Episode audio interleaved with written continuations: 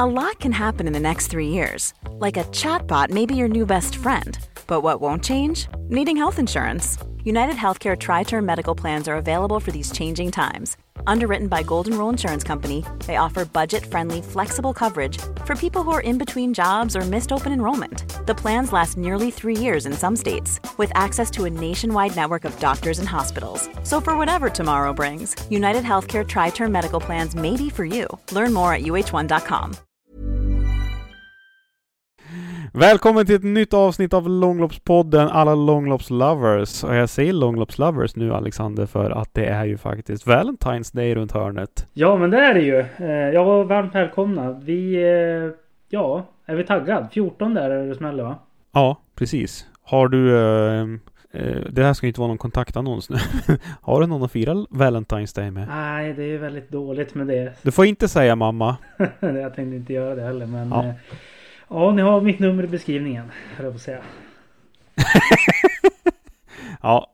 Nej, det är skamlös marknadsföring här i Långloppspodden. Hörru du, ehm, vilken jäkla långloppshelg det har varit. Jag tror att jag och Tobbe räknade, då kom vi fram till att det var åtta långlopp som hade gått i Sverige under helgen som har varit. Otroligt. Ja, det är, det är skitkul. Varför inte sprida ut dem lite mer tänker jag då. Men det, ja. Ja, men det finns ju, det, det är ju ett tecken på att det finns intresse och jag tänker att att de ligger så här nu, det är väl också ett bevis på att ja, nu vänder vintern på många ställen i Sverige. Ja, men jag var ju, vi var ju nere i Skövde, vi kommer ju prata mer om vädret här, men det var ju Ja, det var ju ganska varmt, det var blött och det var slaskigt och mina barn som inte har sett vatten på väldigt länge, de badar ju i vattenpölarna där på Billingen. så ja, det är, väl, det, är väl- det, är väl, det är väl nu de måste ligga. Eh, för sen så blir det för, för dåligt eh, före, eller vad man ska säga ja, så kan det vara. Det känns ju väldigt sorgligt men söderut så kanske det är så. Ja, Ja, Men, eh, ja, men idag har vi haft eh, en riktigt intressant eh, gäst. Och du fick ju följa med henne under helgen också på plats. ja. Årets skiddrottning Anja Stolpe. Vilken intervju det blev. Alltså fasen var roligt att få, få snacka med så, alltså Anja är ju 20 år och ändå liksom redan så pass framgångsrik och redan hon kommer ju prata om det i podden också, alltså hennes jättesteg i träningsmängd. Ehm, det är någonting att, att ta fasta på alltså. Jäklar vilken tjej. Ja, vi har ju börjat se lite eh, en röd tråd eh, på de yngre förmågorna. Men eh, ja, det kommer senare på den. Ja, ja men verkligen. Innan vi går vidare till eh, inslaget med EQ Anders, för vi har ju faktiskt gjort ett, ett litet reportage om eh, tidtagningen på, på loppen. Så tänkte jag, vi måste ju prata lite grann om Jizerska, för Jizerska är ju, är ju avlyst som man säger i Norge. Eh, tyvärr då så blir det inget Jizerska Padisatka på grund av eh, snöförhållanden, och, eller av vädret eh, överlag. Vad tänker vi kring det? Tråkigt. Vad, vad ska man nu hitta på när man inte kan sitta hela kvällarna uppe med sitt fantasy-team? Eh, ja, nej men det är ju skittråkigt. Grand Classics, vad hände med det? Förra året så tror jag du har berättat för mig att de, eh, det inte, eller sist de ställde in Birken va? Att det inte blev något. Nej, coronaåret där, då vart det ju ingen Grand Classic på grund utav, eh, ja, att ett lopp uteblev. Lite tråkigt, men eh, ska det vara Grand Classics, då ska det ju vara Grand Classics. Så att jag tänker i framtiden vill ju ingen kunna säga att ja, men jag vann Grand Classics, men det, vet, vi bytte ut Jizerska mot eh, ja, Craft eller vad det eller eh, Orsa, Ja, nej, det blir lite tråkigt. eh, Orsa-helgen. Så att man vill ju att det ska vara på riktigt liksom. Eh, men det är lite synd. Eh, och just det här med fantasyn Alex, alltså kommer du ihåg att den som av dig och mig som kommer sist, den förtjänar ett straff. Ja, och där kommer vi fram till att Tobbes förslag på isvak var inte så jäkla bra. För du skulle njuta av det och jag tänkte att det inte är så illa. Så vi får eh, Ja. Nej, jag, gå jag, vidare på den. jag tror inte jag skulle njuta. Jag, det är ju mer för att, det är ju mer för att liksom kanske välja någon, jag, jag skulle ju inte tycka att det var så roligt. Faktiskt. Nu säger du bara så för att du vill. Vi kanske ska ta det? Nej, nej, nej, nej, nej, nej, nej. Men jag tänker vi kanske ska ta det ändå, för det är någonting som jag är in, inte tycker är så kul. Men när går sista loppet då? Det är, det är ju aprilsnåren. det är väl janteloppet? Ja. mitten på april. Ja, men då är vi inte öppet vatten här. Det blir svagt då. Ja. Vad härligt! Jag har någonting Ja, att se herre- fram emot. Eller Jag du är- har någonting att se fram emot, ska jag säga. Så, Ja, det här ska, det här, ska vi, det här blir spännande. ja. Ja. Jag lägger ju ner lite tid på det där. Men nu börjar det bli eh, de som är högst upp i, i, eh, ja varje helg. De är ju, ja de har ju hur bra lag som helst. Det, de har ju tjänat ihop sina pengar nu och kunnat ta de bättre åkarna. Det har jag också lagt märke till att det blir ju mer, läser man reglerna så står det ju att de här får du poäng för de här ja, men placeringarna och QCI-åkarna och sådär. Men du får ju för mer grejer också. Mm. Man får tänka till lite. Mm. Men det handlar inte bara om att köpa bra, alltså ha mycket pengar och köpa bra åkare, utan det är ju också alltså de, alla de som lyckas pricka in Runar på Marcel Longa liksom, det är ju det är ju många åkare att välja bland och han var ju inte min first in mind åkare. Eller han kanske, han var ju tydligen uppenbarligen deras då, men jag tror många inte hade Runar som, som top of mind för, eh, för segerspallen liksom. Så att det är ju, det är också en, jag ska inte säga att det är tur, det är en skicklighet att välja rätt åkare inför rätt lopp. Så att där, där har vi ju lite grann att jobba på du och jag. Eller i alla fall jag. Ja, nej jag satsar ju, jag har ingen koll så, så jag satsar på dem som är bra överlag. Det finns mm. utveckling. Jag försöker ha lite mer Ja men precis, och jag försöker ha lite mer ödmjuk framtoning än vad du har men... Eh, ja men det är bara mot ja, dig, jag måste okay ju psyka lite. Hoppas att det tar på något vis. Ni var ju nära på att ta han, eh, ta med Runar i laget, tyckte jag du sa så. Ja, Jo men, ja nära var det väl inte. Vi, vi, vi hade honom som ett alternativ men sen så nej. Men eh, vad heter det, vi skulle haft en sån här införd, vet som de har inne i, i boxningen eller, och, och MMA så att de stirrar på varandra riktigt länge innan. De skrattar förlorar. Jag skulle haft en sån. ja, ja. Vi kanske ska ha ett uppsnack, en sån här öppen eh, typ en eh, Discord-kanal där vi kör eh, uppsnack inför tävlingen tillsammans med lyssnare så kan vi snacka ihop oss och få lite input och... Ja, det hade faktiskt varit, varit roligt. Kan, kan, kan man inte liksom skicka ett meddelande till oss om man skulle vilja ha det? För det, det kanske vi ska satsa lite grann på. Ja, vad finns det då? Är det Discord som gäller? Det är den här, då är det ju flera kanaler du kan... Game, gamers använder den. Exakt. X lär vi ju inte ska använda. Twitter? Ja, Twitter. Nej men då måste vi skriva. Jag tänker att vi snackar. Man kan göra det på Discord alltså? Ja, ja, ja. Du klickar in i en server, en sån här kanal och så snackar man. Men... Eh, IRK hade man när jag bodde i Kramfors. IRC. Jaha, ja. Jag har hunnit med Teamspeak också, men den... Ja. Nej, IRK det var ju bara skrivare. Okej. Okay. Internet Relay Chat. Jaha, ja. Jag hade MSN då om vi ska gå in på det. Det... Ja, och innan var det ICQ. Uh-oh, uh-oh. Ja, det var den gamla, gamla goda tiden när man... Jag, jag försökte starta upp min gamla gaming-PC här bredvid en laptop och den eh, kände inte av strömkabeln så det var, det var bara att lägga ner. ja, ja. Men ska vi eh, gå in på det vi kanske ska prata om det här i den här podden? Ja men exakt. Eh, vi har ju gjort ett eh, långt inslag, eller ett långt inslag är det inte, det är på cirka fem minuter. Men det är ett inslag med Anders Björk på EQ Timing. Eh, och Anders, berätt, eller Anders ansvarar ju lite grann för tidtagning och resultaten inför varje lopp då, eller efter varje lopp. Eh, och jag tänkte att det kan vara kul att se hur de jobbar på EQ Timing. Så det kommer ett litet reportage här som, eh, som beskriver lite grann vad han gör. Och vill ni se mer av det här så finns det en liten teaser på våran Instagram-sida kan man säga. För den ligger kvar den reelen. Eh, och då kan man kika lite grann på det här. Vi borde lägga upp den hela avsnittet också men ja, vi får hitta någon bra kanal att göra det på. Instagram kanske inte är den bästa för det tänker jag. Ja, Youtube kan, kanske. Ja, kanske vi ska ha ett Youtube-konto och lägga upp sånt där. där. Ja, jag vet inte. Det, det där kanske andra har bättre koll på än oss också. Så det... Släng en kommentar om ni har koll på sånt där. Mm. Ja men det blir en del material från tävlingarna som vi är ute och åker på. Det är kanske är lika bra att vi har det på Youtube. Ja, eller på båda. Ja, vem vet. Här kommer i alla fall inslaget med EQ eh, Timing och Anders Björk. Nu har jag letat mig in i en svart buss här. Ja, tjena. Hej! Kan du berätta vem du är?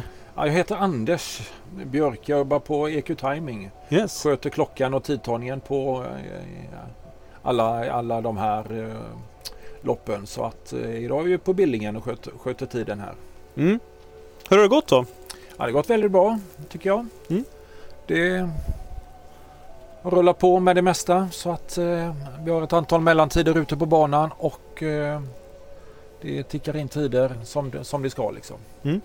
Vad är största utmaningen med en sån här tävling?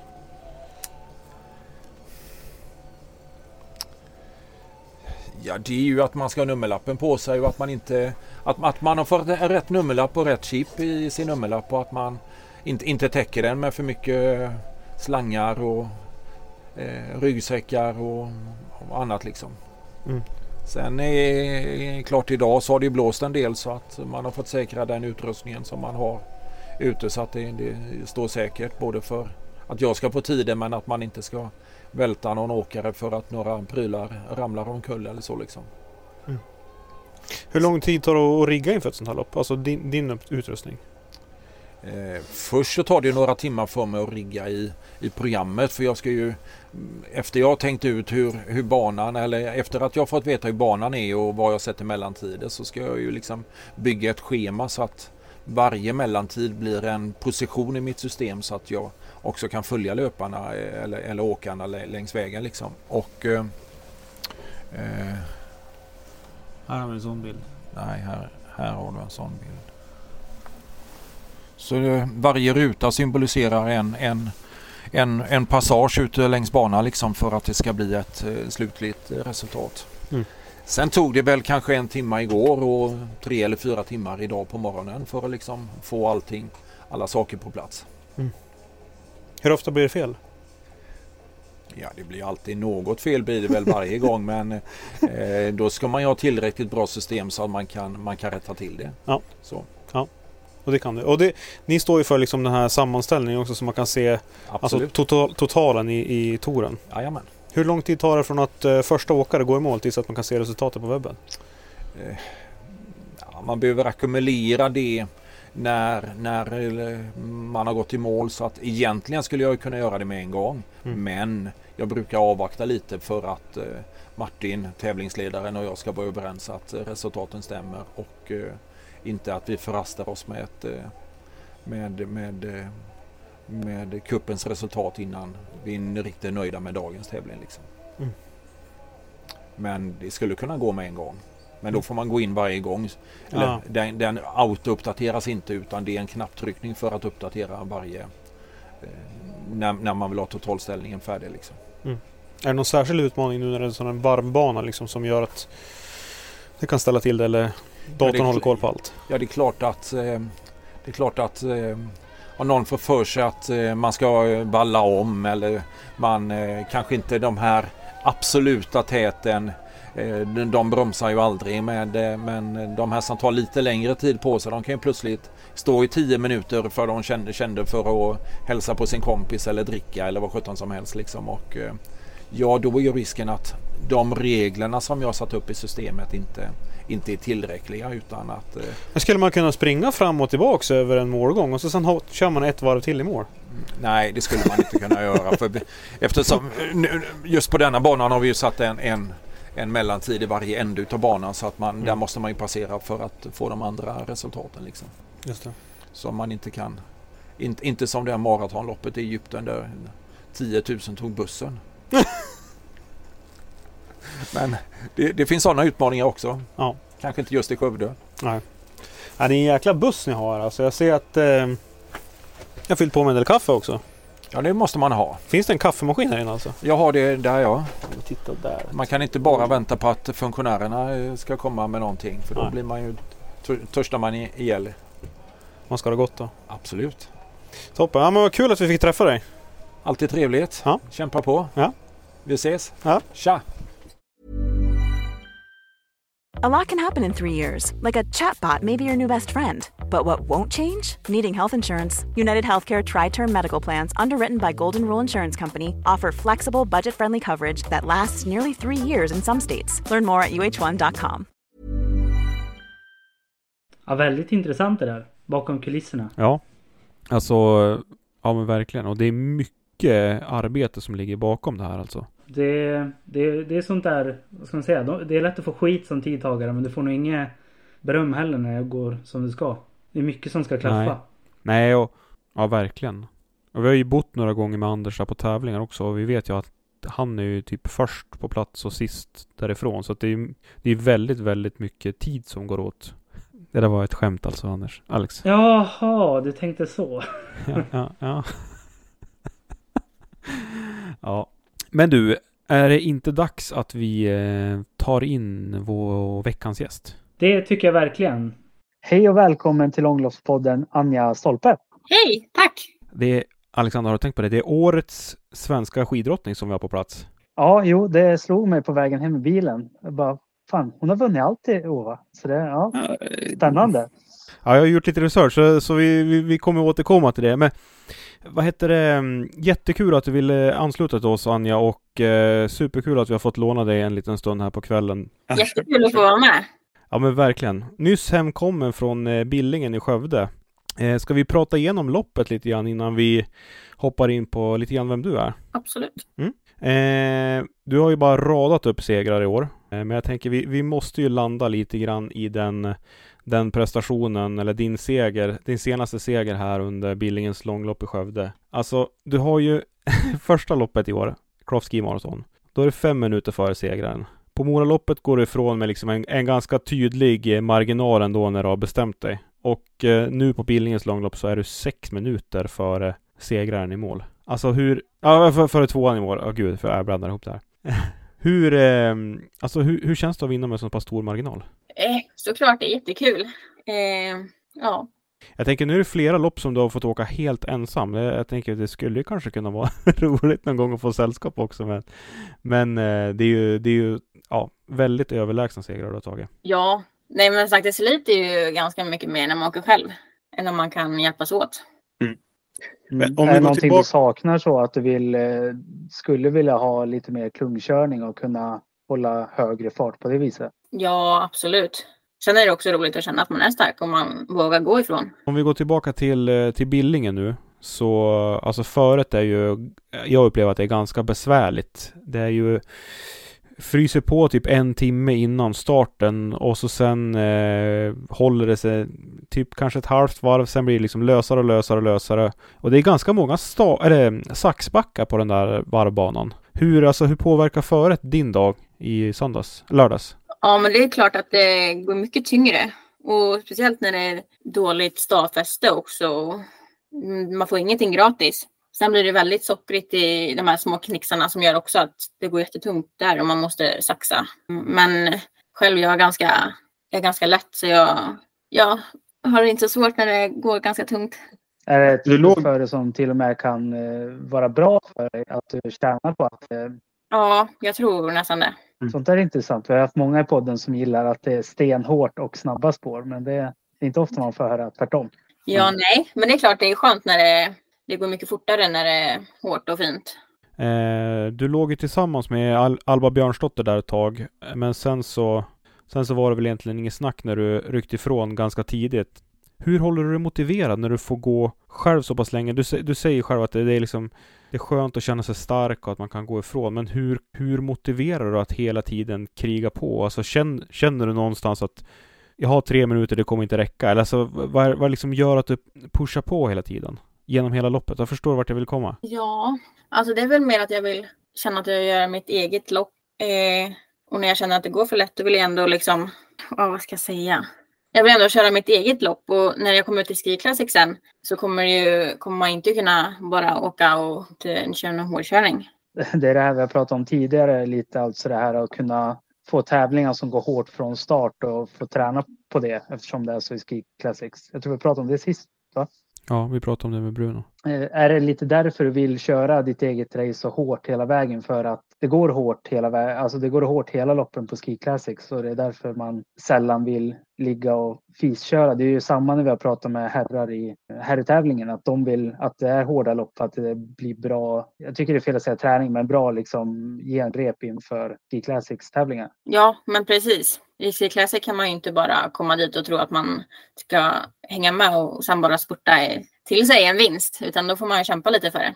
Mm. Vi ska komma tillbaka till Ski Classics-tävlingarna sen. Jag tänker bara en, en sista fråga om Billingen här.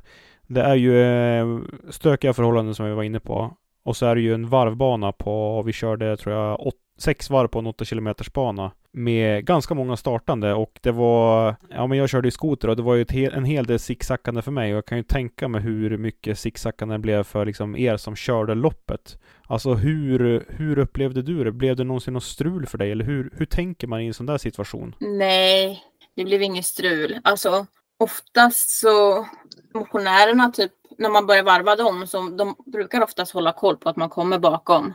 Eh, så de brukar alltid kliva undan. Och sen har man ju som sagt kontrollen själv när man kommer bakifrån. Så man liksom har koll på vart man ska ta vägen. Ja, det kändes ju som att den där, det kunde inte få plats med, med två gubbar till alltså på den där banan. För det var, det var ganska tätt. Alltså det var, det var folk i princip. Det var ju utdraget också. Det var ju nästan inga klungor. Så det var ju väldigt, väldigt utdraget och ja, folk i princip överallt. Men jättekul att se så många anmälda och så många deltagare. Och sen, sen, kom det ju ett lopp några timmar senare med bara motionärer som körde i de här alla sönderkörda spår. Alltså det var ju, ja, vilka krigare. Hur många, hur många var det i, Va? hur många var det i vardera start? Åh, bra fråga. Det var 750 startande totalt i alla fall. Kanske hälften. Ja, det är många. Speciellt på Mm. vallbana. Som, jag var inte på plats så jag fick ju kolla på eh, sändningen. Men eh, vi kanske ska gå tillbaka till där vi brukar starta. Mm. Och fråga dig Anja, vem, vem är du? Och varför håller du på med längdskidor? Eh, ja, eh, jag är längdskidåkare då och bor och är uppväxten, uppvuxen i Filipstad. Eh, jag är 20 år, jobbar just nu på en högstadieskola här i Filipstad. Eh, och jag åkt skidor sedan jag var typ 10-11. Eh, men jag började inte tävla förrän 2015 så det var några år där som jag bara tränade och det var kul.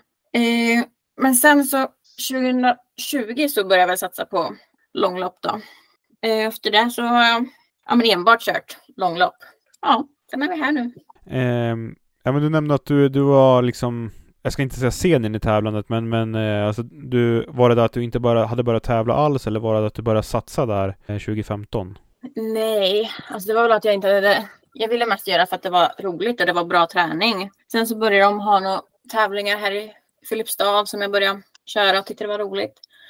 Sen började jag åka ut i Värmland. Eh, ja, Kan du nämna för en som är från Dalarna några klassiska tävlingar i Värmland man åker? det är mycket typ sådana DM och jag har inte tävlat jättemycket utan det är mer liksom DM och alltså distriktsmästerskap och lite sånt. Okej, men det, det är ganska stort med DM i Värmland alltså? Ja, nu har jag ingen koll på det, hur det ser ut längre. Men förut var det det.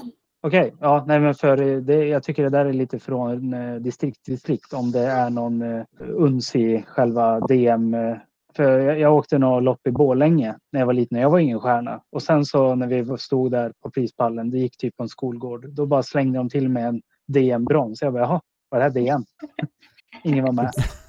Ja, nej, men här har vi nog lite koll på. Ja, men det är kul. Men du, eh, jag måste bara få fråga. Vi, vi, den här frågan ställer vi nästan till alla gäster. Har du gått skidgymnasium? Nej. Intressant. En röd tråd där. Ja, ja men exakt. Eh, får vi fråga vad, vad, vad, vad läste du på gymnasiet? Eh, jag läste samhäll, gjorde jag. Samhällskunskap. Okej.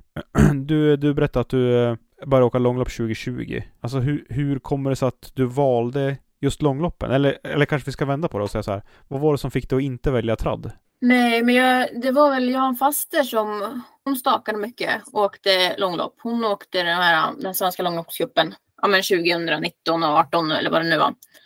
Eh, så hon stakade mycket. Eh, så då blev det att jag hängde på. Jag följde med på någon tävling när hon skulle köra.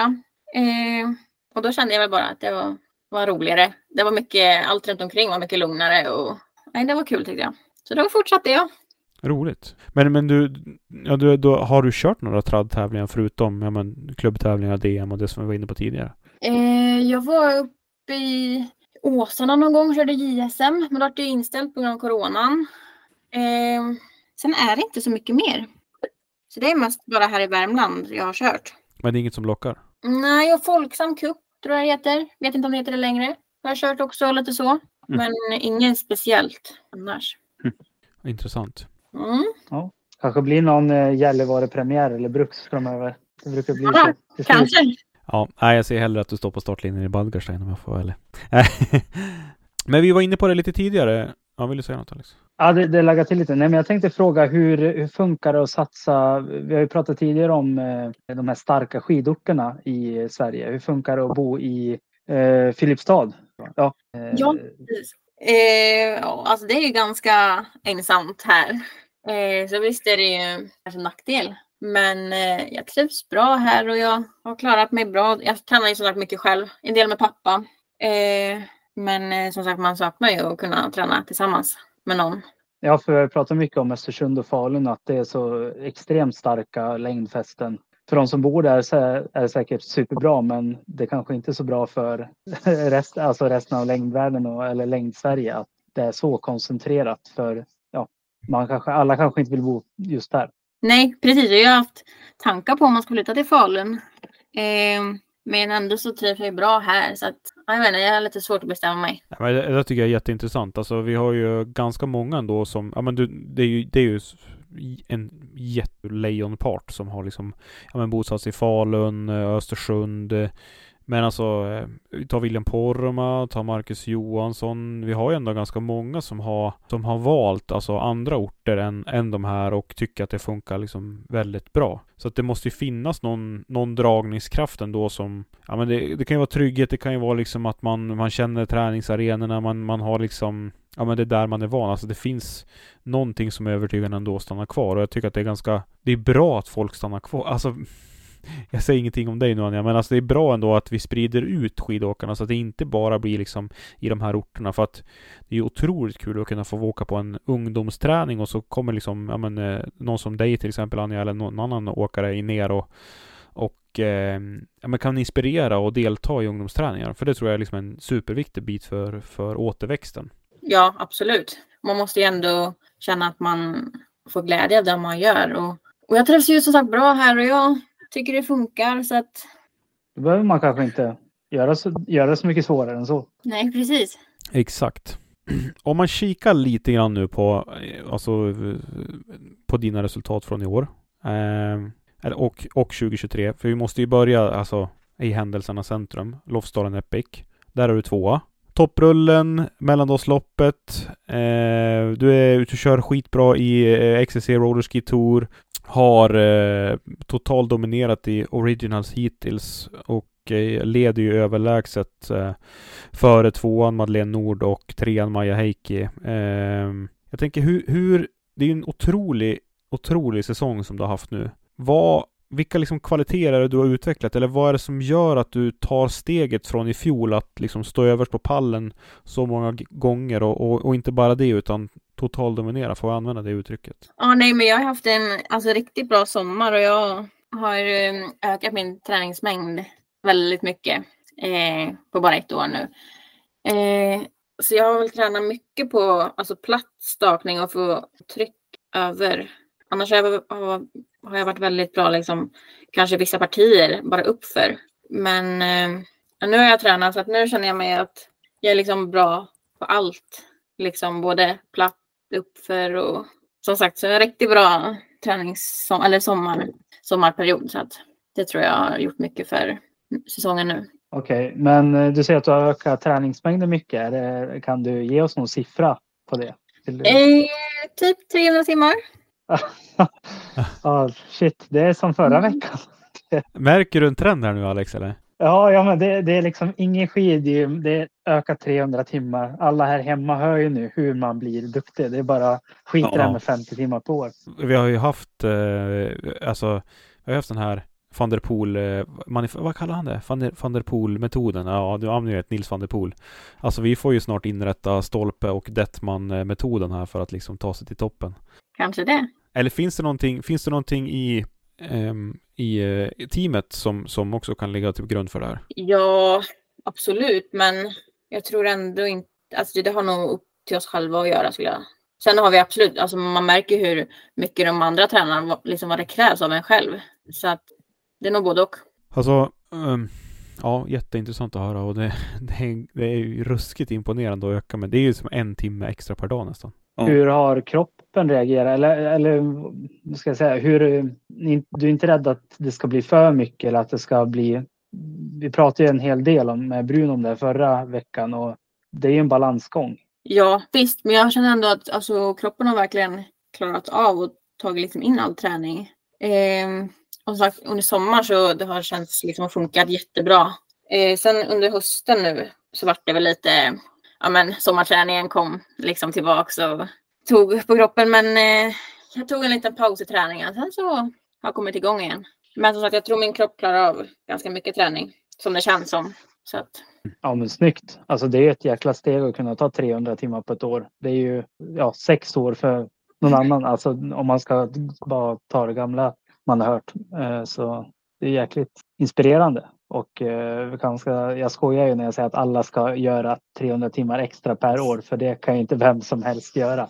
Så ingen får något för sig. Liksom. Man måste ju ha en jäkla bra grund. Ja, verkligen. Jag, ja, men jag var som sagt på Billingen och, och jag, jag pratade med ganska många där och mycket snack gick, som, gick ju liksom att nu kommer Anja slå ut eh, både Carro och Linnea i laget 157 snart och gå in och totaldemonera i Ski Classics. Eh, hur, alltså hur ser du på, på din Alltså, jag ska inte säga favoritskap, men hur ser du liksom på din, din prestation och kanske konkurrensen inom eh, då, alltså för, det, för det vet vi alla, alla det, det, du är jäkligt grym nu. Eh, det går ju inte bara att slå sig in och totaldominera Ski Classics också. Men hur ser du på liksom den konkurrensen som, som finns i Ski Classics och teamet och kanske den utmaning som finns i att, att slå sig in där? Nej, men det är jättesvårt att jämföra nu när jag bara tränat eller tävlat här nationellt. Eh, det är ju som sagt mycket större konkurrens när man kommer ut i Ski Classic. Eh, så det är svårt att säga och jag har inte tävlat någonting mot dem så man vet inte vart man ligger. Men, men att slå Carro och Linnea, det har jag nog kanske en bit kvar, tänker jag. Alltså hur, för du säger alltså här, här nationellt, är det, syftar du på konkurrensen på damsidan då? För eh, om man liksom, det har ju varit, konkurrensen har ju ibland varit hög och eh, nu på slutet har den väl kanske varit inte alltid jättehög. Eh, för att uttrycka liksom diplomatiskt. Alltså hur ser du på Eh, på den biten? Alltså, eller är du, är du precis som jag lite bekymrad över att eh, kanske återväxten inte är jättestor? Eller hur, hur ser du på det?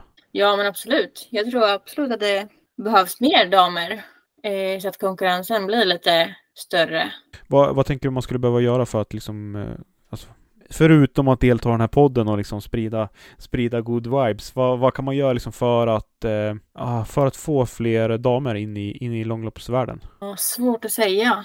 Eh, men jag tror det här nu när alltså, vissa team har gjort det här nationella, alltså, eller ungdomslag eller nationella lag, alltså, jag tror att det hjälper jättemycket för att få in fler damer. Så det är nog ett mm. första steg i alla fall, tänker jag. Ja, det är, det är en jäkligt svår bit. Det, det är inte något man löser här. Eller det, det, är många som har tänkt riktigt mycket på det. Så. Men eh, det är jättekul att se teamen ute nu att det faktiskt är lite fight eh, om eh, ja, att vara bästa laget. Så det, jag hoppas att det fortsätter utvecklas kommande år. Eh, och jag måste bara återkoppla lite snabbt. För du sa du hade ökat timmarna och så hade du blivit bättre på att staka platt. Sa du tidigare. Och jag började tänka på det. Vad, vad har du gjort i stakningen för att bli bättre på att staka platta partier? Ja, det är väl bara att jag har stakat mer platt och liksom lärt mig liksom få mer kraft över stavarna och få med mig farten liksom. Mm. Ja, man, blir bra, här... man blir bra på det man gör och jag har förut har jag kört mycket uppförstakning. Så då var jag bra på det. Men nu har jag liksom försökt jämna ut så att man har en jämn nivå liksom. Okej, okay, ja. Det var ingen genväg alltså som fanns? Något nej, det kanske det, finns någon, jag har tyvärr ingen att erbjuda. Men det, det, det är egentligen tekniskt eh, i kombination med liksom den här ökade träningsmängden så som, som är nyckeln till eh, den här suveräna höga farthållningen under tid. Liksom. Ja, jättespännande, jätte, jättekul att höra. Ja, men eh, jag tänker hoppa vidare. Du åkte ju faktiskt en del Ski Classics i fjol. Eh, en hel del tävlingar, tävlingar i Grönklitt, eh, Pustertaler, Prato Piazza, Diagonella, Marcialonga. Vi såg ju också Hanna Lodin ta ett ganska stort kliv i år. För att prata om en, en annan eh, damåkare som liksom har lyft sig ordentligt. Eh, alltså vad, jag tänker, vad, vad är det som krävs av dig för att kunna ta samma kliv som hon gör? Alltså först komma, in i ett eh, Ski Classics-lag och så sen liksom ta det här steget till att bli en etablerad eh, åkare. Det kanske går händelserna lite i förväg, men eh, vi blir så exalterade så vi kan liksom inte hålla oss från att ställa den frågan. Nej, men det är väl bara träna på och få liksom mer erfarenhet kring allting och ja, svårt, jag vet inte, svårt att säga. Jag skulle också vilja ha ett svar på den frågan. Ja, jag förstår det. Ja, jag förstår det. Men eh, en, en, fråga som vi har missat. Hur eh, lägger du upp din egen träning själv eller har, tar du hjälp av någon? Eller du var inne på att du tränade med pappa. Hur? Eh, nej, jag har haft hjälp av Anton Jernberg. Har jag. Yes. Men det, ni, ni, ni kör mest alltså coachningen på distans då, eller hur, hur lägger ni upp det? Ja, precis. Men hur, hur många träffar har ni Eh, Eh, alltså nationella laget så här när det blir, eh, när du bor där du bor och så bor de andra på andra ställen. Är det, hur ofta är det? Uh, nu måste jag tänka här hur många gånger vi har träffats. Undrar om vi har haft tre läger ihop vid nationella, nationella laget, tror jag. Något sånt. Så det är bara de gångerna vi har träffats då. Okej, okay, ja, men då och när ni har nationella, det, nu kommer jag inte ihåg, det är väl säkert fråga någon, eh, typ Bruno, men ni, eh, har ni med er eh, Ski Classics-laget också när ni kör? Eller har, har det varit bara, eller nationella laget? Nej, men vi har varit med hela teamet. Ja. Har vi.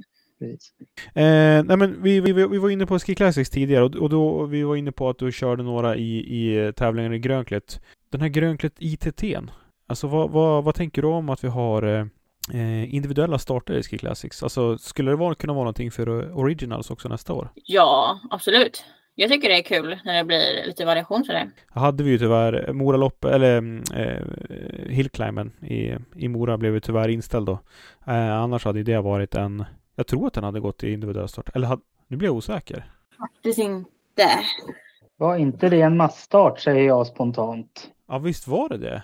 Den är ganska lång för att vara en ITT annars. Jag supergooglar nu. Uh, ja, ja. Och jag killgissar. Ja, som vanligt. Ja, det kanske skulle kunna vara någonting. Ja. Men vill du, om det är ITT som vill du ha dem, för jag tänker, är det, ofta har de ju varit uppför eller varit lite tuffare. Mm. Känns det som. Men eh, är det så man vill ha det? Eller?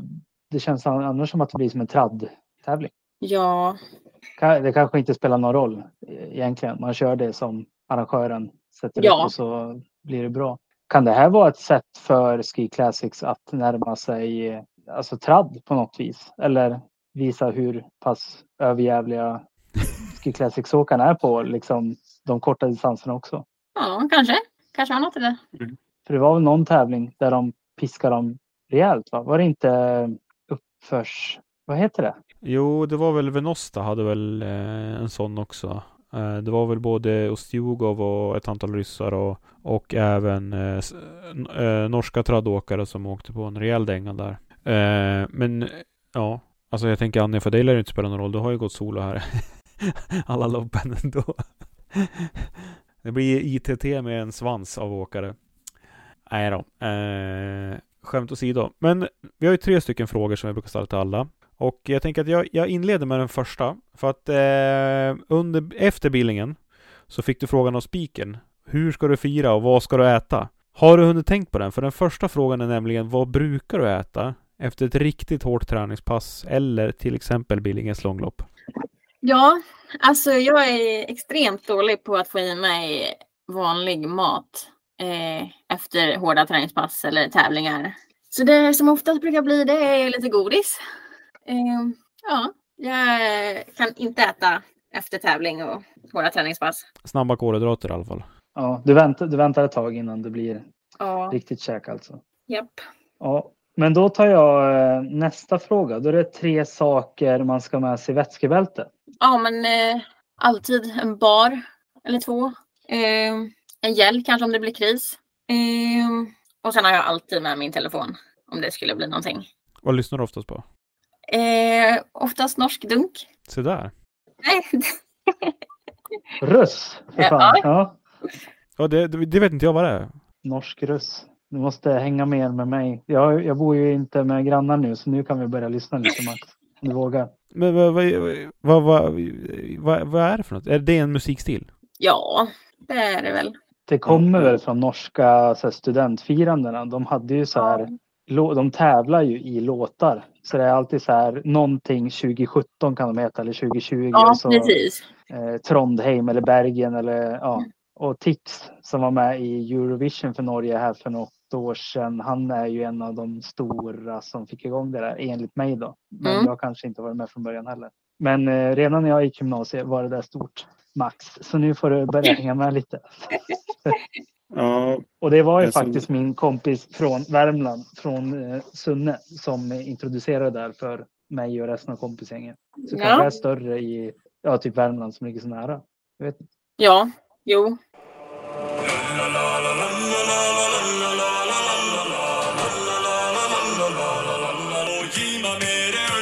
Ah, jaha, jaha, jaha.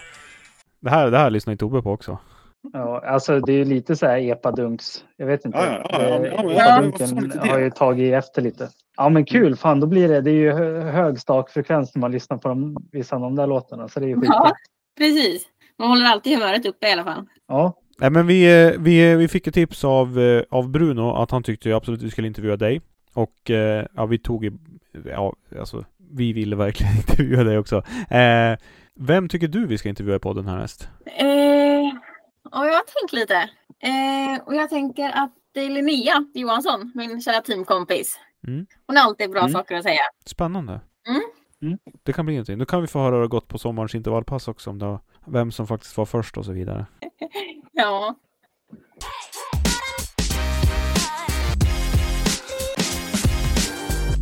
Eh, innan vi säger hej då till Anja så eh, tar vi med henne när vi snackar genom eh, herrloppet på Billingen. För det är kul. Ni Exakt. två har ju bättre koll än vad jag har för ni var ju faktiskt på plats. Ja, alltså jag måste erkänna en sak. Eh, det här är ju hemskt. Jag körde ju skotern, ledarskotern för herrarna. Och ehm, det gick lite för fort i några kurvor så att eh, kameramannen ville inte att vi skulle köra in i alla, alla de sista vändningarna på, eh, på loppet. Och ehm, alltså sista vändningen, precis innan Marcus Johansson ska gå i mål, då tappar vi bort han. Jag, ljuger inte nu. Jag, jag skäms jättemycket över det här. Eh, men till mitt försvar så var det mot, mot ljus och han går emellan två klungor. Eh, där alla har svarta kläder. Men eh, vad fan, jag hade en uppgift. Det var att köra skoter och hålla koll på ledaren. Ja. Nu, nu får du berätta mer. Jag som inte var där. Han kommer upp från en sån här avkrok och du ska Mm. hämta upp han eller börja följa efter han. Precis, jag måste göra en vändning för att jag, jag kan inte köra de här branta backarna. Eh, med kameramannen på då. Så att eh, vi vänder medan han gör en av, eller med hans gör en krok. Och när han kommer tillbaka då står vi och filmar rakt in i ansiktet på honom men vi ser han inte. Åh fan. Jaha, så ni, han åker bara rakt förbi? Det kan man se på sändningen också. Eh, det kanske vi måste lägga ut på Insta för det är ju en, en blunder av episka proportioner. Ja, men det kan väl hända, hända alla. alla. Alla som filmar med skoter och så. Eh, Jag har ju fokuserat på att kolla på damloppet så jag har ju faktiskt inte kollat klart på herrarna sen. Men, eh, ja, nej. Nej. men det får vi kolla närmare på. Och kanske sätta någon eh, färgglad mössa på dem man vill hålla koll på på loppen. Varvloppen i alla fall. Ja, men jag träffade Marcus där efteråt, för det var Marcus Johansson som vann och han sa det. Ja, jag sa ja, grattis. Ja, ja, jag ska säga till nästa gång jag kör ifrån er, sa han. Ja, ja det, var, det, var, det var surt. Men eh, Anja, hann du, hann du uppleva någonting av herrarnas lopp eller? Inte jättemycket. De bara Mycket- sluttar förbi lite då och då. Ja, hur mycket märker man alltså som, som åkare? Alltså, hur märker man av andra? Det är väl lite individuellt kanske, men det beror lite på hur trött man är också, hur mycket man lägger märke till omgivningen.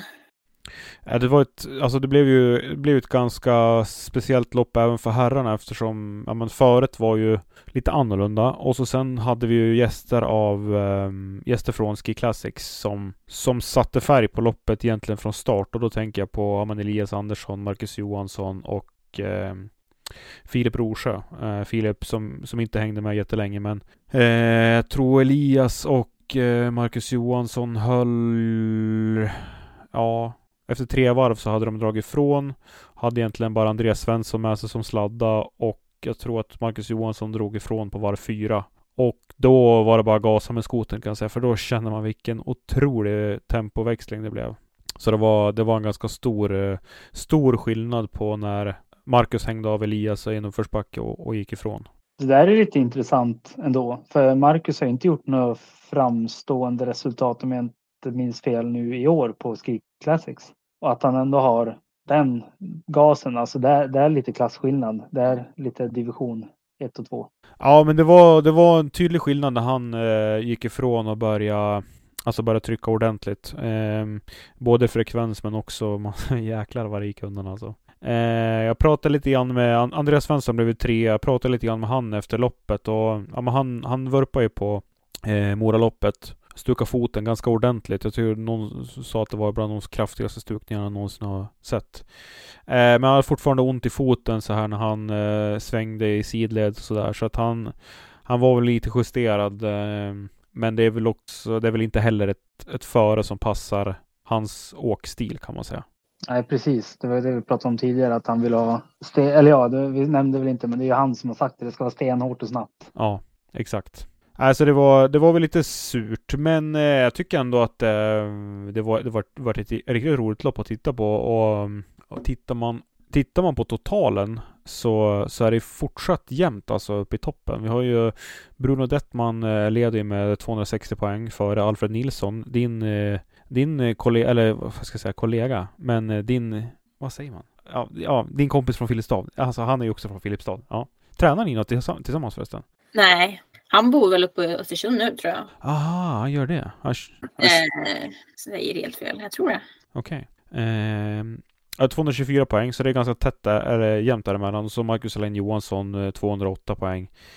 Eh, vi pratade om Konrad Mattsson Myr förra helgen. Han eh, gjorde ju som Andreas Nygård och eh, drog axeln med. Fick, jag fick faktiskt en liten pratstund med han. Eh, ni kan få höra hur det lät här. Nej, så jag klev ju av efter ett varv drygt. Och du, nu står jag här med Konrad Mattsson Myr. Vad säger du? Du klev av efter ett varv? Ja, precis. Kom inte... Det vart 7,5 kilometer idag. Ja. Eh, det var... Äh, det vart... Eh, det var väl någon eh, krasch där i början. Jag och Adrian var inblandade i det där och jag tror Adrian... Eh, Adrian var nere på backen och vände och jag, jag stod väl upp men eh, lyckas slå damma axeln ur led. Så den, eller den studsade i och ur liksom. Så då, ja, så då var det, då åkte ett varv då, sen så gick det inte riktigt. Det var lite för långt med 35 kilometer kvar tyckte jag. Så det är... Be, vad säger de? Better, better days to come.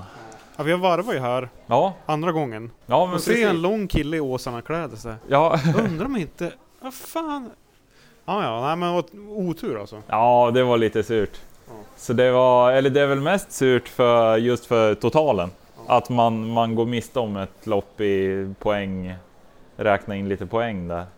Ja, det låg riktigt bra till. Ja, jag låg, ja, jag låg bra till men, men eh, då får man väl eh, köra desto, desto snabbare på kommande lopp. Ja, exakt. Så det är nog bara, ja, jag gjorde en Nygård helt ja, enkelt. Det var, han, hade också, han slog ju också axeln i led där. Ja. Så få köra, få snacka med han och ta hans rehab, rehabprogrammet. Ja. Så är jag nog tillbaka snart. Ja. Men vad, vad säger du om arrangemanget här uppe nu? Alltså det är fullt med folk och det, det är inte snöflinga utanför spåren. Nej, det är verkligen alltså, det är sjukt vilket intresse det finns här nere. Eh, just duktig på, jag tycker de är duktiga med konstsnö och Väldigt fin anläggning så. Och sen vädrets makter rår ju ingen på. Eh, är, idag är det kanonväder, det är ju lite blåsigt men ja. Men eh, vilka kämpar där ute. För det har alltså man ser, jag som har hunnit stått bredvid och kollat på hela loppen nu så det är inte många meter gratis där ute idag. Det är, det är rikt, alla som tar sig mål idag gör det sjukt bra. Det ska de ha en klapp, en dunk i ryggen. Jag är sjukt imponerad. Ja men verkligen. Alltså, det höll ju ändå förvånansvärt bra. För det, vi har 6-7 grader ja. nu eh, och, och ganska mycket vind. Så att det höll ju ändå jäkligt bra om man ser till ja, de väderförhållandena. Men det är väl det med konsten också? Ja men precis, precis. Nej, så det är riktigt, riktigt krig där ute. Så jag är sjukt impad av alla som, alla som tar sig igenom. Men du kollar något på på loppet? Alltså... Ja, jag hann, ju, jag hann ju hem på hotellrummet och duscha och kolla lite på sändningen också. Ja. Så det var, men det vart ju mycket one man show. Ja. Eh, både på dam och här sidan. Mackan var ju stark. Och så var de väl, här klassen, då var det väl, det var väl Elias Andersson som hängde med längst ja. tror jag. Så vart det lite uppsprucket och sen så blir det så, när det blåser så mycket som det gör idag så det, det blir ju de här små klungorna. Det är jäkligt tufft att ligga och borra själv liksom. Eh, och så, så det vart ju, det vart ju klungor, småklungor hela... De föll av en efter en liksom. Så bra. Men jag tror det är bra, alltså det är bra snurr på det Mackan gör idag. Det, det är ju liksom, det är där nivån ligger. Det är intressant att se faktiskt. Det är, ja, det är, riktigt Det är sjukt bra för, för oss som kör originals också att det kommer någon som Mackan liksom. Så man får se vart, vart landet står. Ja, nej, men och det kändes som att när han gjorde rycket där, det var ju när vi hade parkerat skotern så här på ett Ja, ja precis. När han gjorde rycket där, Ja, exakt. Jo, måste jag gå så hårdare. ja men precis att det här, det är ett, en växel till liksom. Växel Exakt. till, Och han höll den länge. Ja, precis. Nej, så jag tror, men det är bra som sagt att, att, att de är med nu när de... Jag vet inte hur det vart med Jizerska nästa helg för dem.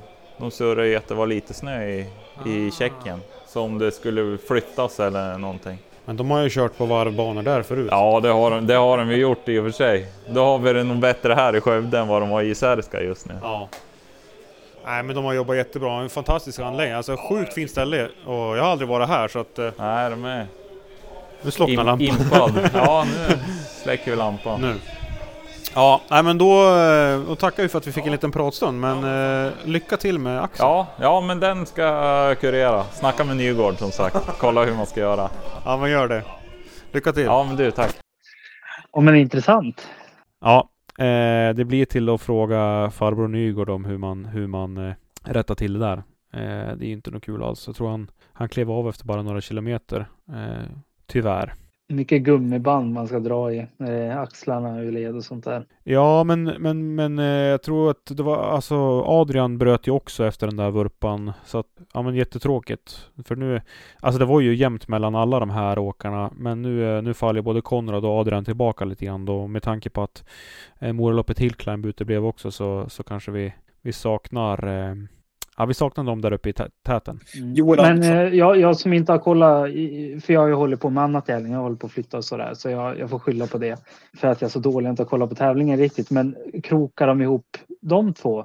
Eller var det en stor krock? Eller mm, det hängde jag inte med. Nej, jag hann faktiskt inte se hur det gick till. Hör- Hörde du Anja hur det gick till? Var samtidigt de kraschade. Jag vet faktiskt inte. Nej. Jag har inte heller Ja, sett ja, hur nej, det Nej. det gick till. Ja. Men det var, Nej. jag, jag förstod ju Nej, som att det var tråkigt. tajt. För jag, jag hörde att det skulle vara så jäkligt breda banor och så. Men eftersom ni möttes på samma banor så vart det inte så. Det var två spår. Ja, så det var inte jättebrett. Nej. Och, och i backarna var det ju många som skulle saxa. Ja, Ja, men snyggt jobbat ni. Ja, du som åkte och skulle runda alla och ha folk som kommer förbi åt alla håll och Max, du som kör skoter i det där. Det är inte det lättaste. Varvbana är ju inget. Jag tycker craft var svårt ja, när jag var med och körde. Det, det är två varv. Ja. Nej men det, var, det, alltså det problemet är väl att det var ju många av de här, Anja nu får du rätta mig, men det var ju många av de här backarna som, som många behövde saxa i. Och det är ju svårt att gå förbi då, både med skoter men framförallt om man åker skidor liksom. ja precis. Man tar ju upp mycket plats när man saxar. Ja. Ja, nej men en utmaning. Men, men eh, framförallt jättekul att det blev av det där loppet och eh, alltså otro, jag har ju aldrig varit där nere i Skövde. Men otroligt häftig anläggning och vad mycket folk som ändå eh, driver med längdskidåkning och långlopp. Det är, man blir inspirerad bara av att se alla som står på startlinjen faktiskt. Låter som en filantrop men, men verkligen inspirerande. Ja. Men eh, ska vi sätta punkt för eh, Billingens långlopp där och eh, säga att nästa originalslopp är ju Bessemerloppet som går den eh, 18 februari. Det är inte allt för länge kvar dit. Och då eh, förväntar vi oss att se Anja på start. Jajamän. Härligt. Det ska bli spännande. Mm. Och där kanske vi sätter eh, punkt och säger hej då till dig Anja. Och tack för att du har varit med i podden. Ja, tack för att jag fick komma. Tusen tack. Ja, men eh, nöjet har helt varit på våran och på våra lyssnares sida. Alex, vi har ju jättemånga nya lyssnare. Så att det ju- hoppas de eh, finner det här väldigt intressant. Eh, men ett supertack eh, från oss till alla nya lyssnare. Det är varenda lyssnare. Det, gör så, det är så himla varmt i hjärtat alltså. Jättetack. jag vet inte vad jag ska säga. tack, tack. Ja, ja men det, det är det. Man, eh, nu börjar man förstå att folk faktiskt lyssnar. Så tack så mycket. Ja, Verkligen kul. Och tack Anja. Eh, vi, vi, får, vi ska väl inte jinxa någonting nu Alex, men eh, den här segertrenden, den... Alltså, kan, om man vinner alla lopp, blir det någon så här Grand Classics? Det får måste vi ta med Holstrand. blir han fattig? Ja, men det ska han bli. Hörni, tusen tack för att ni har lyssnat eh, på oss idag och eh, på återseende nästa vecka. Tack och hej då.